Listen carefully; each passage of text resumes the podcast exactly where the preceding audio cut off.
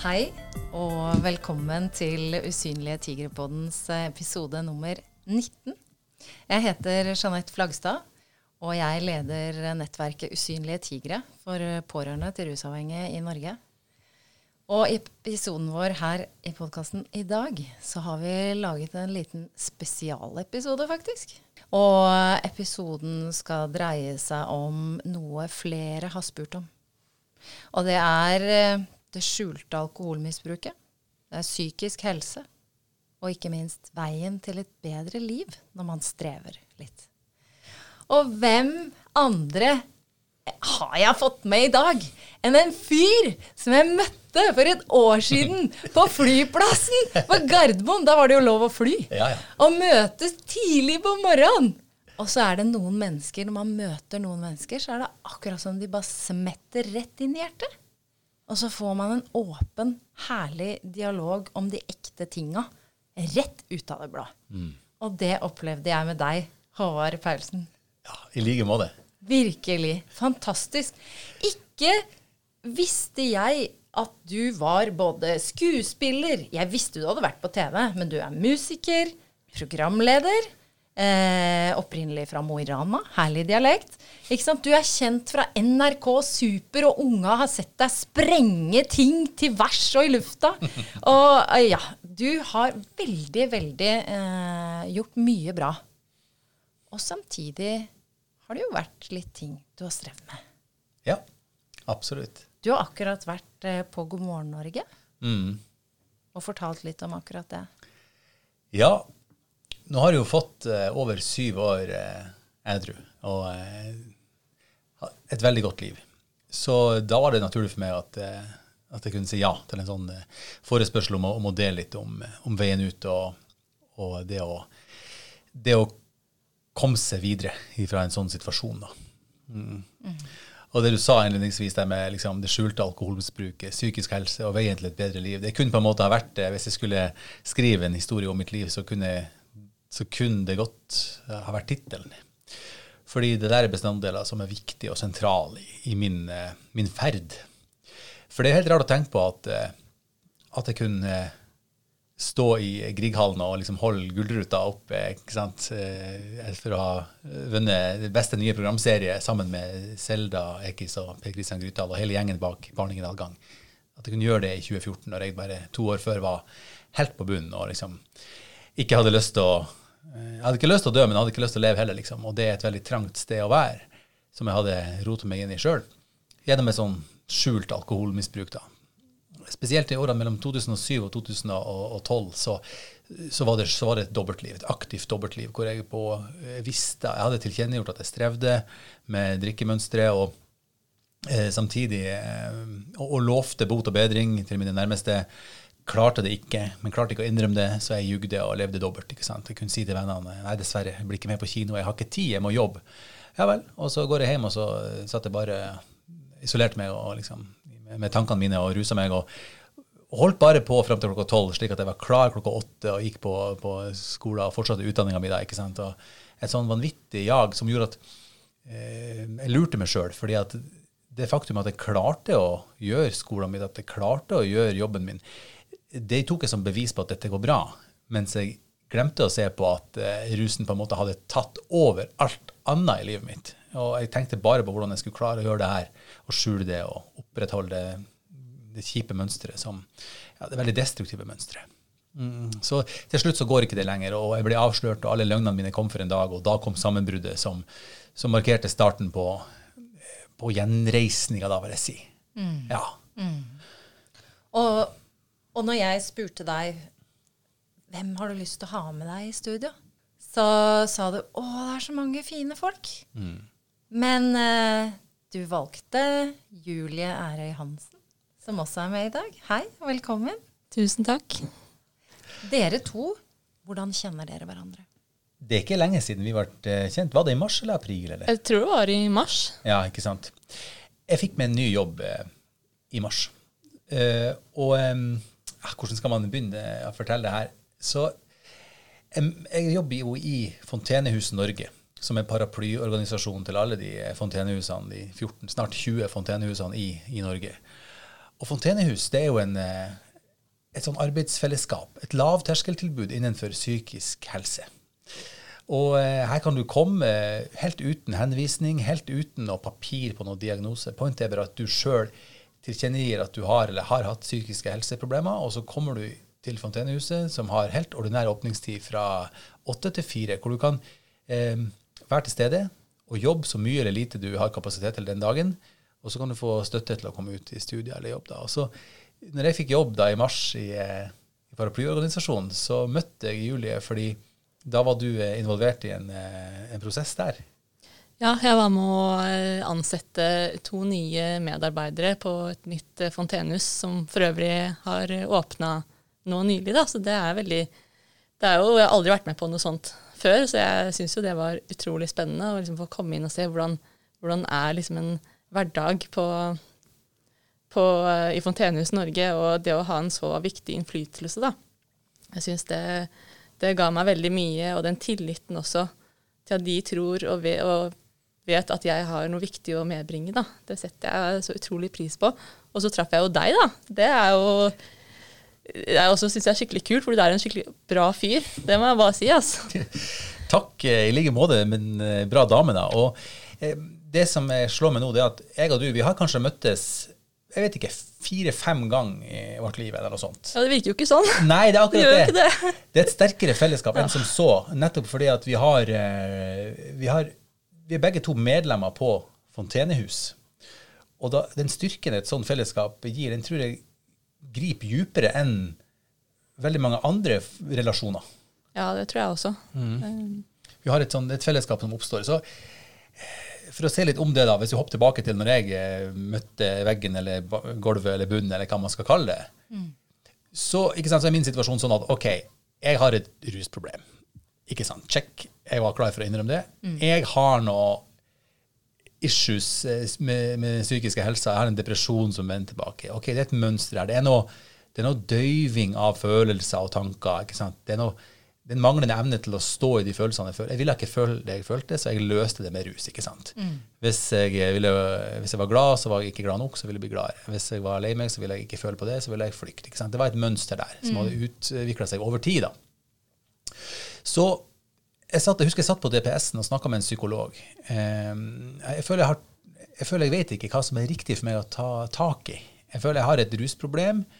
Um, og så har jeg et psykisk helseproblem. Hva, hva kan jeg gjøre? Og Så snakka vi litt fram og tilbake, og så, så, var jeg jo i gang med å gå i sånn selvhjelpsgruppe for uh, alkoholproblemet. Og det, det virka for meg, og det var gratis. Det kunne jeg gjøre uh, så ofte som helst uten å, uten å, rullere meg inn i et system. Så OK, da, um, da satte jeg meg på en måte på ventelista for å få avhjelp til psykiske helsebiten. Da. Og da får du jo den gode, gamle lista i handa med 200 psykologer du kan ringe hvis de har telefontid og hvis de har kapasitet, og så må du bare finne ut av det sjøl. Det er jo det er dessverre der vi er, da. Lykke til. Ja, lykke til. Mm. Og så um, eh, Det er poenget. Eh, og så må jeg forholde meg til Nav for å, for å eh, få på plass alle de praktiske tingene. Så la oss si ei typisk uke for meg, da. En typisk uke for meg tilbake i 2013 der. ikke sant? Da har jeg et møte på Nav, kanskje, mm. på tirsdag klokka tolv. Og så har jeg et møte eh, med liksom, selvhjelpsgruppa eh, for rusen på torsdag klokka seks. Men hva gjør jeg med all den andre tida? Selv om jeg er superinnstilt nå på å rydde opp i livet mitt, hva gjør jeg all den andre tida? Ja. Og det er jo der Fontenehuset kom inn eh, i bildet i livet mitt. Fordi det er et lavterskeltilbud hvor du som sagt ikke trenger noe henvisning eller noe som helst. Så mens jeg går og venter på behandling og på forskjellige avklaringer og ordningser og avtaler jeg har, så kan jeg gå på Fontenehuset hver dag hvis jeg vil, for det er frivillig. Ja. Og det krever ingen søknad, ingen papir, så da kan jeg gå der og være i et konstruktivt arbeidsfellesskap fra åtte til fire liksom, og, og gjøre oppgaver som er fornuftige for meg å gjøre. Samtidig få hjelp og, og, og, ha en sånn framoverlenthet sammen med de som er der og hjelper og jobber og, og sånn til å, til å, komme videre ut, komme tilbake inn i samfunnet igjen. Om det er studier eller jobb, det kommer jo an på ja. situasjonen.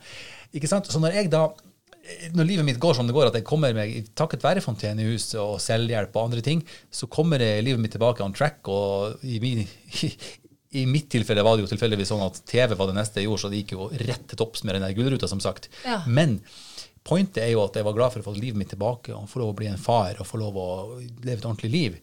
Og så går livet mitt videre, jeg får jobbe i reklamebyrå, og plutselig så er jeg i ledig stilling i nettopp Fontenehuset som medarbeider istedenfor medlem. Da var det som om en sirkel slutta for meg, da, ikke sant? at jeg fikk lov å eh, jobbe med noe som gir meg så mye mening. da. Ja. Og på en av de første dagene så møter Julie et menneske jeg egentlig ikke kjenner, men fordi jeg vet at hun er medlem, og hva enn hennes grunnlag for medlem, det er, ikke, det er det samme for meg, på en måte. Ja. Men jeg vet at det fins noe der i henne som gjør at hun er, vil være medlem. Og det samme har jo jeg. Så uten at vi trenger å tilkjennegi akkurat hva som er problematikken vår, så, så føles Vi kan bare se hverandre dypt inn i øynene og sånn. ja.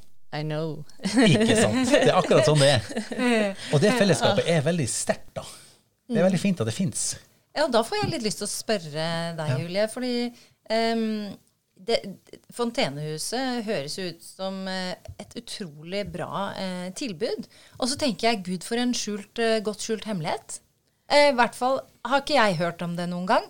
Og at det fins et sted hvor de som eh, strever med livet, kan komme og finne et fellesskap, eh, håp, og ikke minst støtte og nettverk i den endringen man kanskje må gjøre i livet sitt. Og da, da, Det jeg lurer på, Julie, ja. hvordan, hvordan, ble du kjent? Altså, Hvordan kom du over Fontenehuset? Hvor gammel er du? Du kan jo få lov til å ja, Jeg kan jo si, begynne med det, da. Ja, ikke sant? Si jeg er jo da en kvinne på 25 år, eh, midt i, midt i 20-åra. Og har eh, vært medlem på Fontenehuset siden 2016, så det begynner å bli noen, noen litt år nå.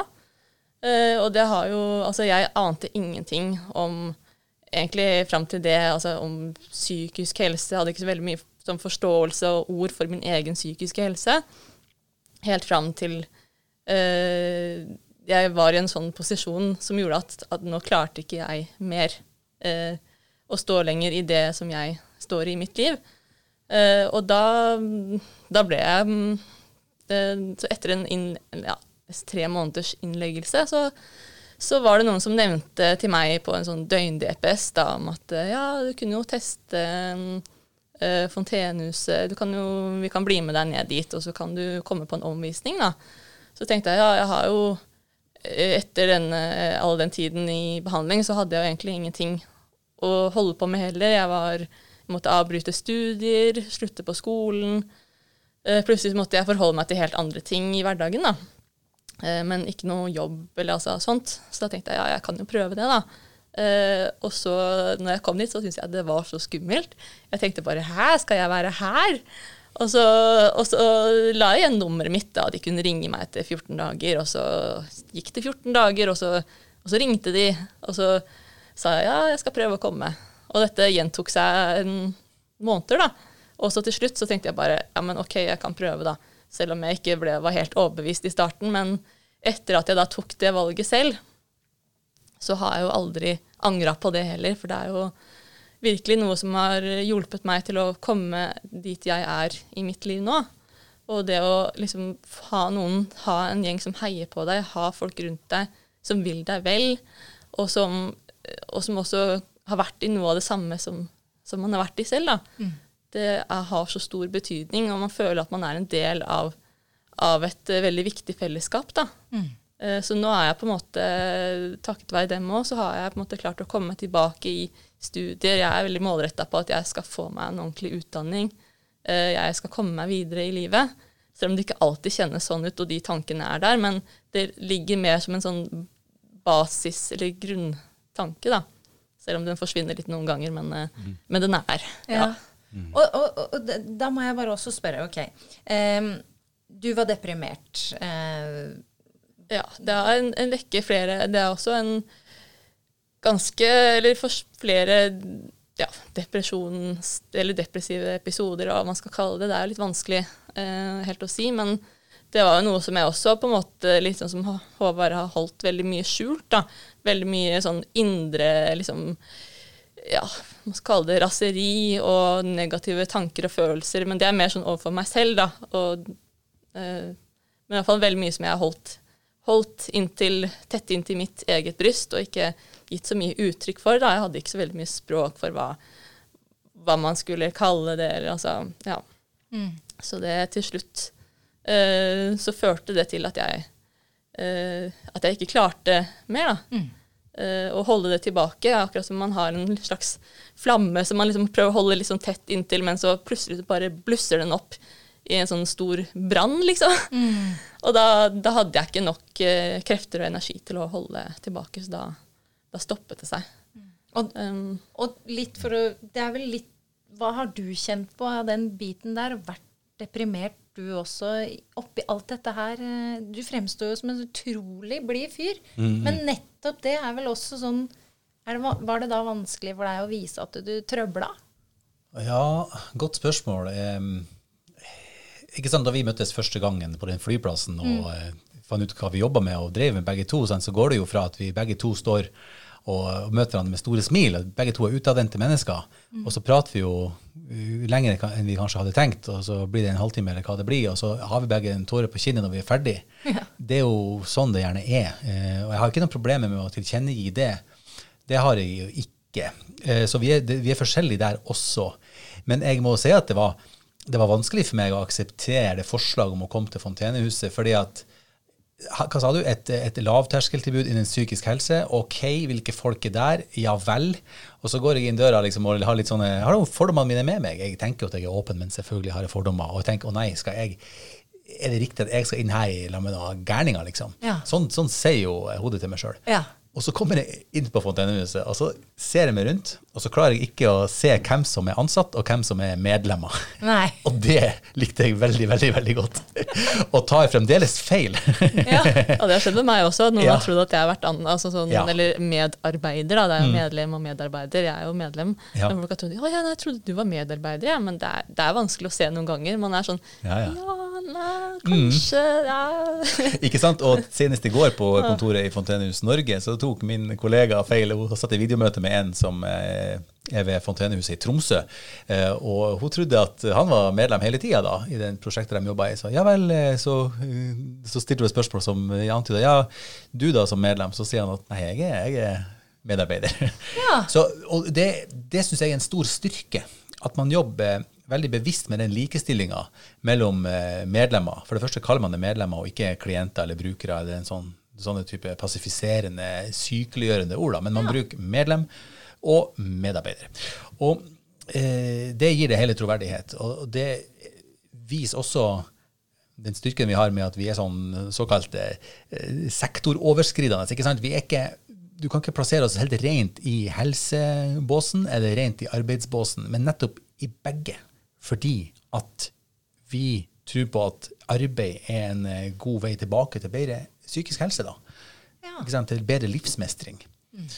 Eh, og dermed så er på en måte arbeid både metoden og uh, målet.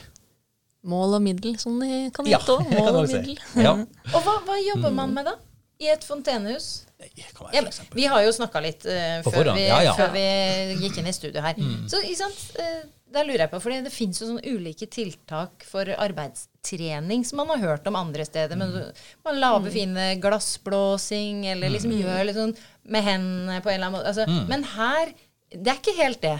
Nei. Nei, det er jo ikke det. For det er jo altså, hovedoppgaven altså Vi lager jo, vi skaper jo på en måte I det vi gjør, så skaper vi jo på en måte oppgavene selv. Så hvert fontenehus vil jo på en måte se forskjellige ut, i, også med tanke på oppgaver. Man har forskjellig type engasjement på huset da, imellom medlemmer. Eh, Men eh, hovedsakelig så er det jo dette å drive dette mm, klubbhuset sammen. da, Og det genererer jo en del oppgaver, det i seg selv. Eh, som f.eks. en del praktiske oppgaver for å ja, vedlikeholde bygningsmasse, rensing av stoler, alt mulig forskjellig. Og så har man jo en egen del som passer på. Vi har jo en egen eh, det er jo en egen kontordel som tar seg ut av rettet virksomhet. Hvordan skal vi få folk til å vite om oss? Det er også et viktig aspekt i dette her. Eh, Vi må ut og snakke med folk.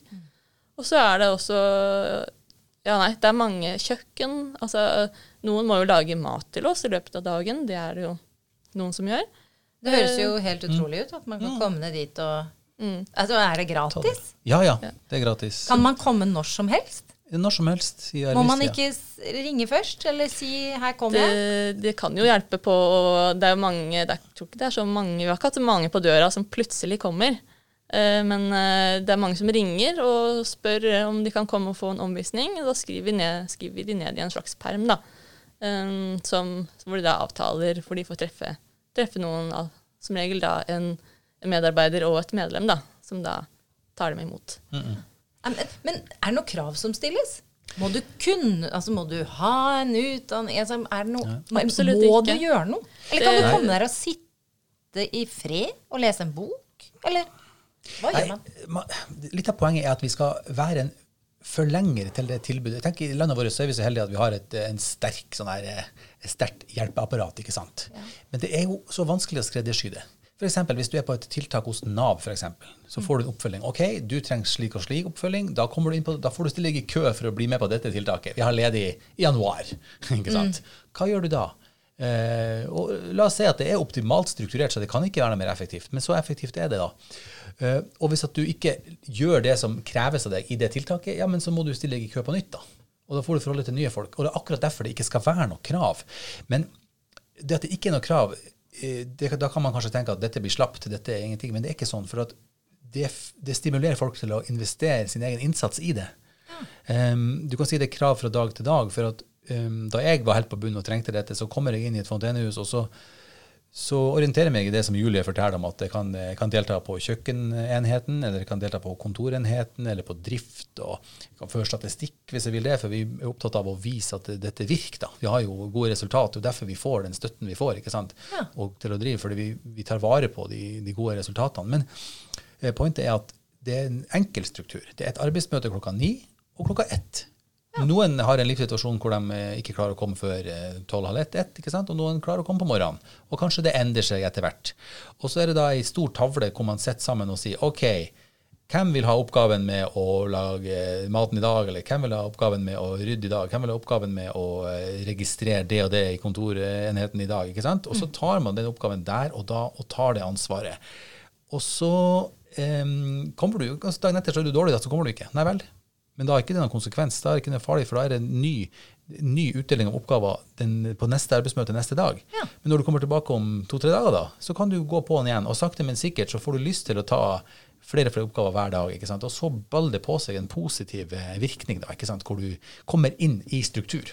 Og jeg kan godt se for meg det at eh, den, det å komme inn i et fellesskap, og sånn som du sier, I know, at dere kan se på hverandre og så liksom I know where you are. Mm. Eller um, jeg vet hva du står i. Mm. Det er veldig overførbart til pårørende, mm. til rusavhengige. Mm. Eh, jeg hadde akkurat med meg 15 pårørende ned eh, på lunsj hos Finn sjøl for å skape et lyspunkt i hverdagen. Eh, for disse pårørende som strever så voldsomt i denne utmattende alarmberedskapen. Så fikk vi midler av stiftelsen Petter Uteligger. Og det pussige er, for det var veldig mange av disse pårørende som valgte å betale for å overnatte på hotellet ved siden av, så vi var på middag på kvelden, og vi møttes til frokost dagen etter. Og da er det helt merkelig at det tar altså bare de timene, under 24 timer, for at vi sitter ved frokosten og syns jeg kjenner at dette er familien min. Ja. Ja. Disse folka her er my tribe. Ja. Dette er mine folk. Og det, jeg vil tippe at det er litt det samme. Eh, for jeg kjenner også til en ganske nær eh, meg som strever veldig psykisk akkurat nå. Mm. Og det savnet etter noen som virkelig forstår, mm. det er stort. Ja. Og det å da kunne faktisk formidle at nå har jeg hørt om et fontenehus, og så kommer den personen garantert og sier ap, ap, ap, ap. Hva slags gærninger er som fins på det huset her? Ja, ja, ja. Hva slags folk er som er der, av det veit jeg ikke om jeg gidder, ass. Mm. Så kan du si ja, men eh, nå skal du høre på podkast. Mm. Fordi at dette her er noe som får folk tilbake igjen eh, til et bedre liv. For det var det som Hvor lenge ja. gikk du der eh, over tid før du, før du, kjente at du mestra igjen, liksom, Håvard? Altså For min del var det jo det var veldig mye som skjedde i mitt liv på det tidspunktet. Så fra første gang jeg satte foten på Fontenehuset til jeg ble far for første gang, så var det kanskje et halvt år. Da gjør jo det noe med situasjonen, selvfølgelig. Um, og rett ut i perm der. Så men jeg vil si at det var, det var en periode hvor jeg var på Fontenehuset hver dag og hadde stor, stor nytte av det. Det var en periode på tre-fire måneder. Jeg, kan ikke huske det helt tydelig. Det var ganske kaotisk eh, i livet mitt da, men noe sånt. ikke sant? Og da var jeg der side om side med mennesker som, eh, kanskje skal være der resten av sitt liv, til mennesker som eh, skal ut etter et halvt år, eller ett år, eller tre år, eller fem år. Eller fram og tilbake mange ganger. Det er det som er hele pointet, at eh, det er ikke alle som passer inn i de her eh, fiksa, ferdige tiltakene eh, som er sånn eller sånn. Men når, når jeg sto der da, og hadde behov for å rydde opp i arbeidsdelen av livet mitt, helsedelen av livet mitt, rusdelen av livet mitt, så hadde jeg én en god base å være i. En god base, nettopp. Og eh, det var av eh, endeløs betydning for meg, da. Sant? Og sånn som du sier når dere er på, hos Finn sjøl, og, og, og vi er ulike. Noen mennesker har ordentlig behov for å fortelle om hvordan deres sønn eller datter har rusa seg, for eksempel, eller sånn, og, og syns at det er godt å få lov å snakke om de detaljene. ikke sant? Mens en, enkelte syns bare at vet du hva, jeg vil ikke inn i det, men jeg vil være inntil deg, som jeg vet har noen tilsvarende problemer. Den ene har en sønn, den andre har en datter. Samme det. Den ene har holdt på på den måten og på andre måten. Det er ikke så viktig. Mm. det, det du gjør der, det er å samle dem, det, det er å tilby ei løsning, en, et skritt i rett retning, rett inn i den riktige retninga. Og det føler jeg er en sterk parallell til Fontenehusfellesskapet. da, At du er, du er i framdrift i den riktige retninga. Så det er ikke så interessant hva som egentlig var ditt psykiske problem og mitt psykiske problem. Whatever, liksom. Så det er hver sin prosess, da. Så det er plass til alle sin prosess i det samme fellesskapet. Men det er veldig fint. Og så har du også eh, Jeg er veldig opptatt av å få frem, fordi dere kommer inn her med hver deres historie, erfaring. Eh, og, og det som jeg tar med meg, så spør jeg alltid dere som skal være med i podkast, hva er viktig å få formidla ut til de som lytter. Og jeg syns også det derre som du skrev, Julie, dette med å eh, ha, altså betydningen av å ha gode mennesker rundt seg. Ikke, Altså for å støtte, heie. Men noen ganger så trenger man et kick i rumpa, Ja. rett og slett. Hva tenker dere om det? Ja, nei, jeg skrev jo det fordi jeg, jeg føler jo også det altså selv, at det, man kommer jo ingen vei hvis man på en måte ikke utfordrer seg selv til, altså til på et eh, liksom, eh, sunt nivå. da. Ikke eh, til at det går over i noe negativt, men at man men noen ganger så klarer man ikke helt å ta det steget selv. Um, så noen ganger trenger man de folka rundt seg til å dytte en litt i riktig, forhåpentligvis riktig retning, men da er det det å ha de riktige folkene da, som, er, som, som gjør deg godt. Og det føler jeg absolutt at jeg har. Og ikke minst de støtte i altså familie, venner, men også de på Fontenehuset. Og noen ganger så er det de utenfor familien som egentlig noen ganger har liksom størst påvirkningskraft med det. fordi det, det er ikke noen som har liksom Det har ikke det samme forholdet, da. Eh, så da i hvert fall syns jeg at det er, det er lettere å få en spark fra noen som, en, som ikke er familie, da. Ja, Det må jeg si meg veldig enig. Kanskje Håvard også kjenner litt til det. Altså, Samboer eller sånn kommer med og sier et eller annet som du tenker er rik og reis, det der kan du ta med et helt annet sted. Og så kommer en eller annen fagperson eller en som sitter litt utenfor og sier akkurat det samme. Og da bare Å ja, sier du det? Ja vel, det, det hørtes jo fornuftig ut. Men det er litt rart med det. det er, jeg er veldig enig i det der, altså. Ja. Ja. Det, og, og, og, men um, igjen tilbake, Håvard, til tilbudet fra Fontenehuset. For det er utrolig mange eh, pårørende, og det må jeg bare dra inn her. Vi vet jo at veldig mange pårørende til rusavhengige blir jo sjuke i løpet av tid. De blir sjuke både fysisk og psykisk av å gå i denne utmattende alarmberedskapen, den følelsesmessige berg-og-dal-banen. Vi snakker, som du sa i stad, Julie, mm. innebygd eh, frykt, redsel, aggresjon, angst. Alt, alt dette vonde som bare aldri tar slutt. Em, og det er jo Alle de timene som man går bare og tenker La oss si mange, mange er uføre. Ja, ja. Eh, og har depresjonsproblematikk. Og er utenfor. De føler seg ikke minst ensomme. Det er så mange som føler seg ensomme. Og det vi snakka om før vi gikk inn her, er jo at i Fontenehuset så trenger du ikke ha en diagnose fra noen lege. Nei. Kan du si litt om det? Hvor åpent det faktisk er å få lov til å komme? Ja, Du sa noe annet interessant der, at mange er uføre. og det, Sånn er det på Fontenehus også. Det er mange, Ca. halvparten er, nei, Jeg skal være forsiktig med å være for bastant på tallene her, men la oss si omtrent ca. halvparten er ufør. Men betyr det at man skal akseptere å sitte hjemme alene med mørke, vanskelige tanker, og ikke involvere seg i å oppsøke et fellesskap?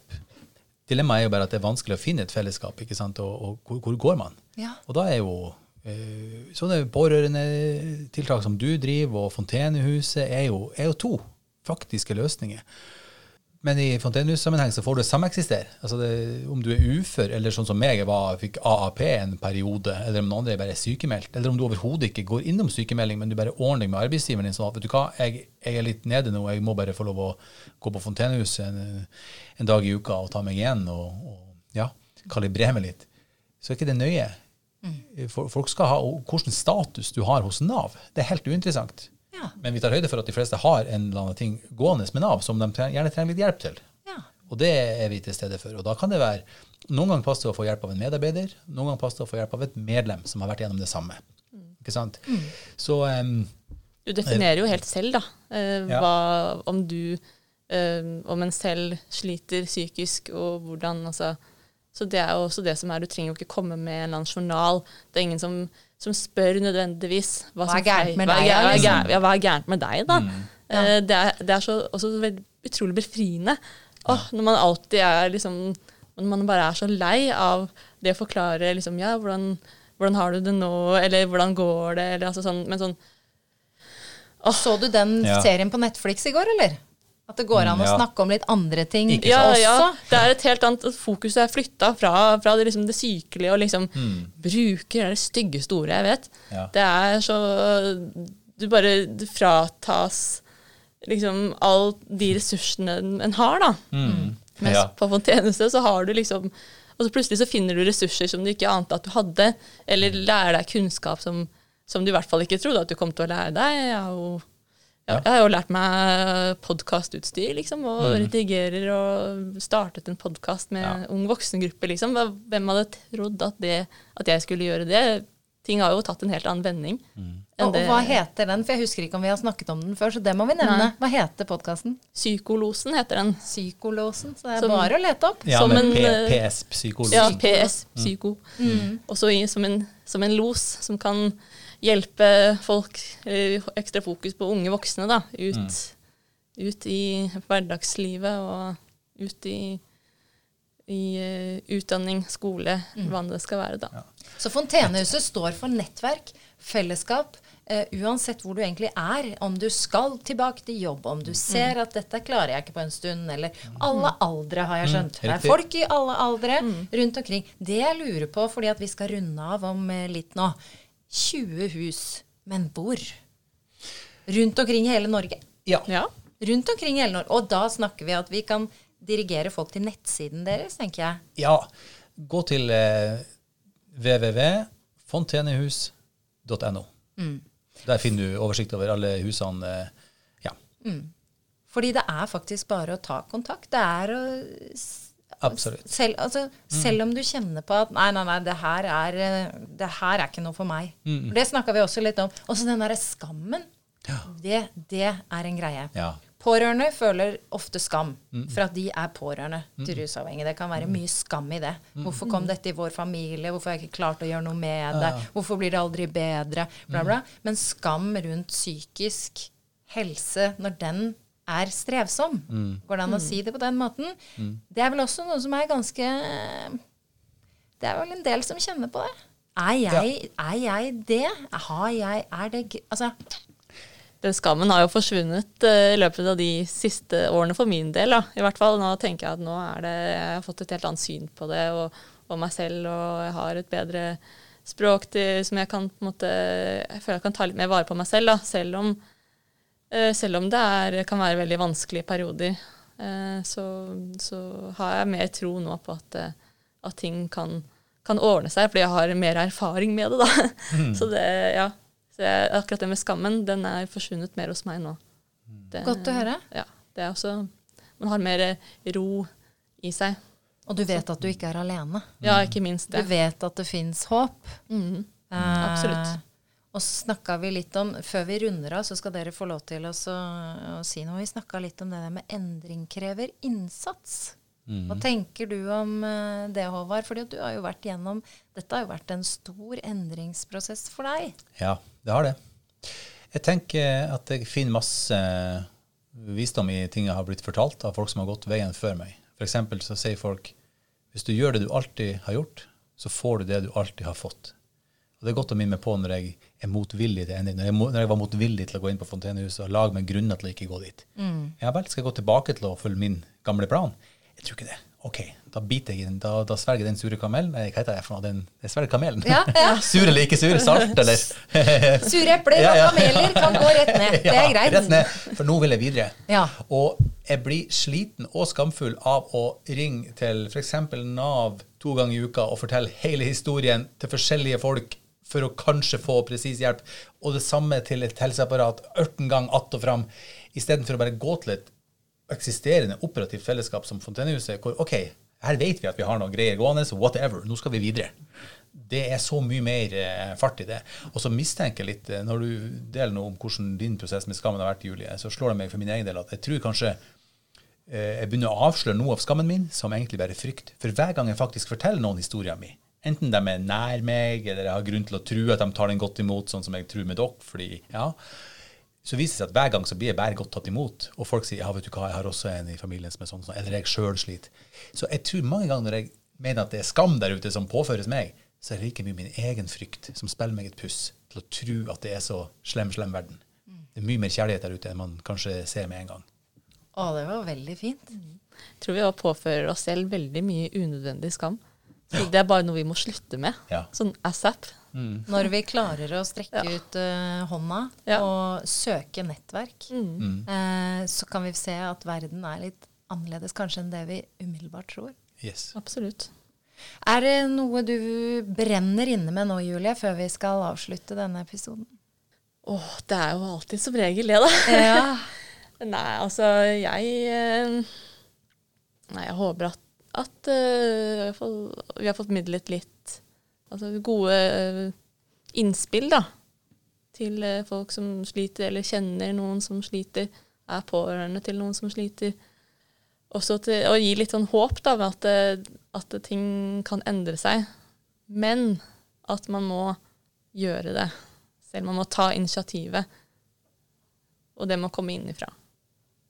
Og det gjelder både pårørende, eller om det er ikke pårørende til rus, men om det er psykisk helse, at man Ja. må ta grep selv og søke nettverk. Ja. På akkurat samme måte som de rusavhengige. Hvis de vil klare å komme seg ut av det, så må man ta grep sjøl, og ville det sjøl. Du kjenner jo også det. Men er det noe mer du, er det noe mer du vil si før vi avrunder? Ja, jeg føler vi har fått vært inne på masse godt. Så, men jeg vil si én ting. For jeg holdt en gang foredrag for Angstringen.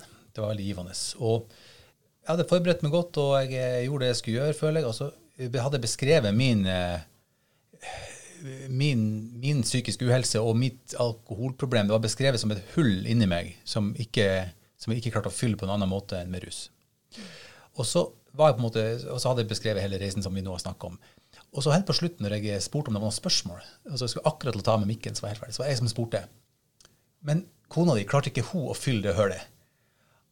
Og så heldigvis klarte jeg å si som sant var liksom at det er ikke hennes ansvar å fylle det hølet. Og da hørte jeg bare ett menneske fra langt borti kroken som klappa intenst. For hun har garantert kjent på denne pårørendeproblematikk. Og jeg er så glad for at jeg fikk det spørsmålet, Ja. for det hadde ikke vært tydelig nok. Og jeg er så glad for at jeg klarte å komme på å svare det svaret i det øyeblikket. For at det er det det gjelder. Og jeg må ta ansvar for mitt til syvende og sist. Sånn som Julie snakket om. Sparkerom. Jeg må ta ansvar. Ja, det var synd i meg. Ja, det var vondt, bla, bla, bla. Men jeg må ta ansvaret selv. Og det samme må den pårørende, tenker jeg, i det tilfellet. Hun, jeg, hun kan ikke fylle hullet inni meg, og jeg kan ikke hjelpe henne. Det er hver sin prosess. Åh, målet med denne podkasten er å gi kunnskap og innsikt om rus, rusproblemer, pårørende, hjelpetilbud. Og med denne spesialepisoden om psykisk helse, da tenker jeg vi har vært inne på veldig mange gode ting som rammer inn absolutt alt av det vi har nevnt. Altså, det finnes håp. Du er ikke alene. Styrken av fellesskapet. Endring krever innsats. Oi, oi, oi. Nå blir, det, nå blir det folkevandring til fontenehus i Norge. Det får vi satse på. Håp det. Ja, jeg Hjertelig velkommen. kjenner noen som skal få høre om dere. Det er helt sikkert. Tusen hjertelig takk for at dere kom, begge to. Tusen takk. Tusen, tusen takk. Tusen takk.